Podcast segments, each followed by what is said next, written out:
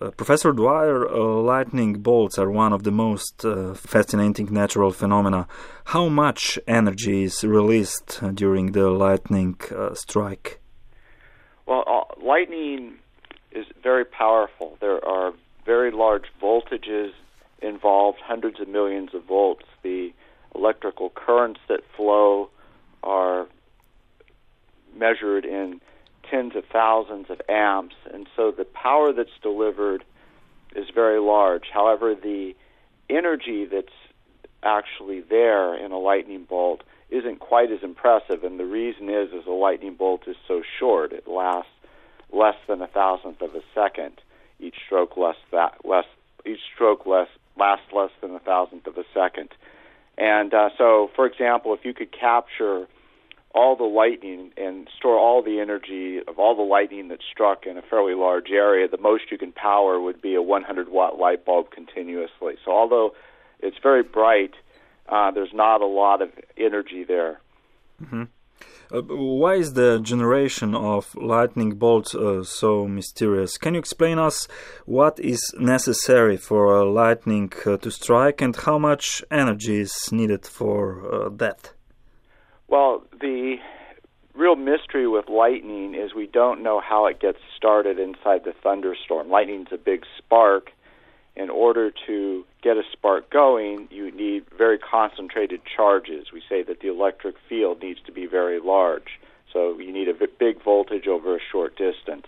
And decades of measurements inside thunderstorms never find electric fields or concentrated charges that are big enough to actually make a spark, not even close. And so we're really not certain how lightning gets started uh, inside the thunderstorm in the first place. Mm-hmm. Uh, Professor, uh, what do you think about uh, electron runaway breakdown theory, which states that uh, cosmic rays uh, generate lightning? Well, we do know that the runaway electrons are indeed generated inside thunderstorms. We can measure them directly. We see gamma rays coming out of thunderstorms. So we know that runaway electrons are definitely being produced. Um, we can do calculations what the effects of these runaway electrons are, and they do seem to play some role in how the thunderstorm charges and discharges and it's there's some they're definitely playing some role inside the thunderstorm. What's not clear is whether they are actually leading to lightning initiation. The details of that have not been worked out completely. It, it is a promising area of research, but it hasn't been shown definitively to be true. Mm-hmm. Uh, which uh, theory about lightning generation do you find uh, the most uh, plausible? Well, I think I think the sort of the standard idea, and it's still just an idea, is that there's a lot of chunks of ice and water droplets up inside the thunderstorm, and the charges can get concentrated. The electric field can get enhanced around the surfaces of these objects, and the spark could initiate off the surfaces of, say, big chunks of ice up inside the thunderstorms.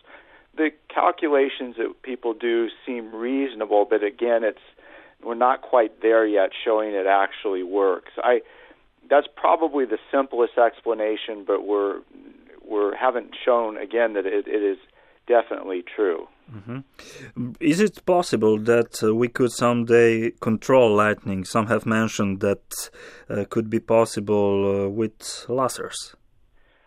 Yeah, sure. Um, right now, we can initiate lightning from the ground, we can trigger lightning using small rockets with wires behind them. We launch rockets that have a spool of wire, and as the rocket goes up, the wire comes off the spool, and very quickly you have a long piece of grounded wire hanging in the air. That is often enough to cause lightning to uh, initiate from the wire, and we can we can create lightning that way.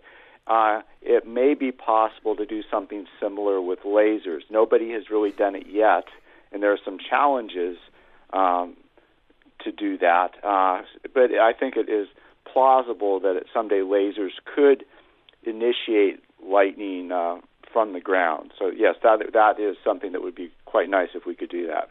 Mm-hmm. Professor Dwyer, the last uh, question. Uh, could we someday harness electricity for everyday use from lightning? That would really mean free electricity.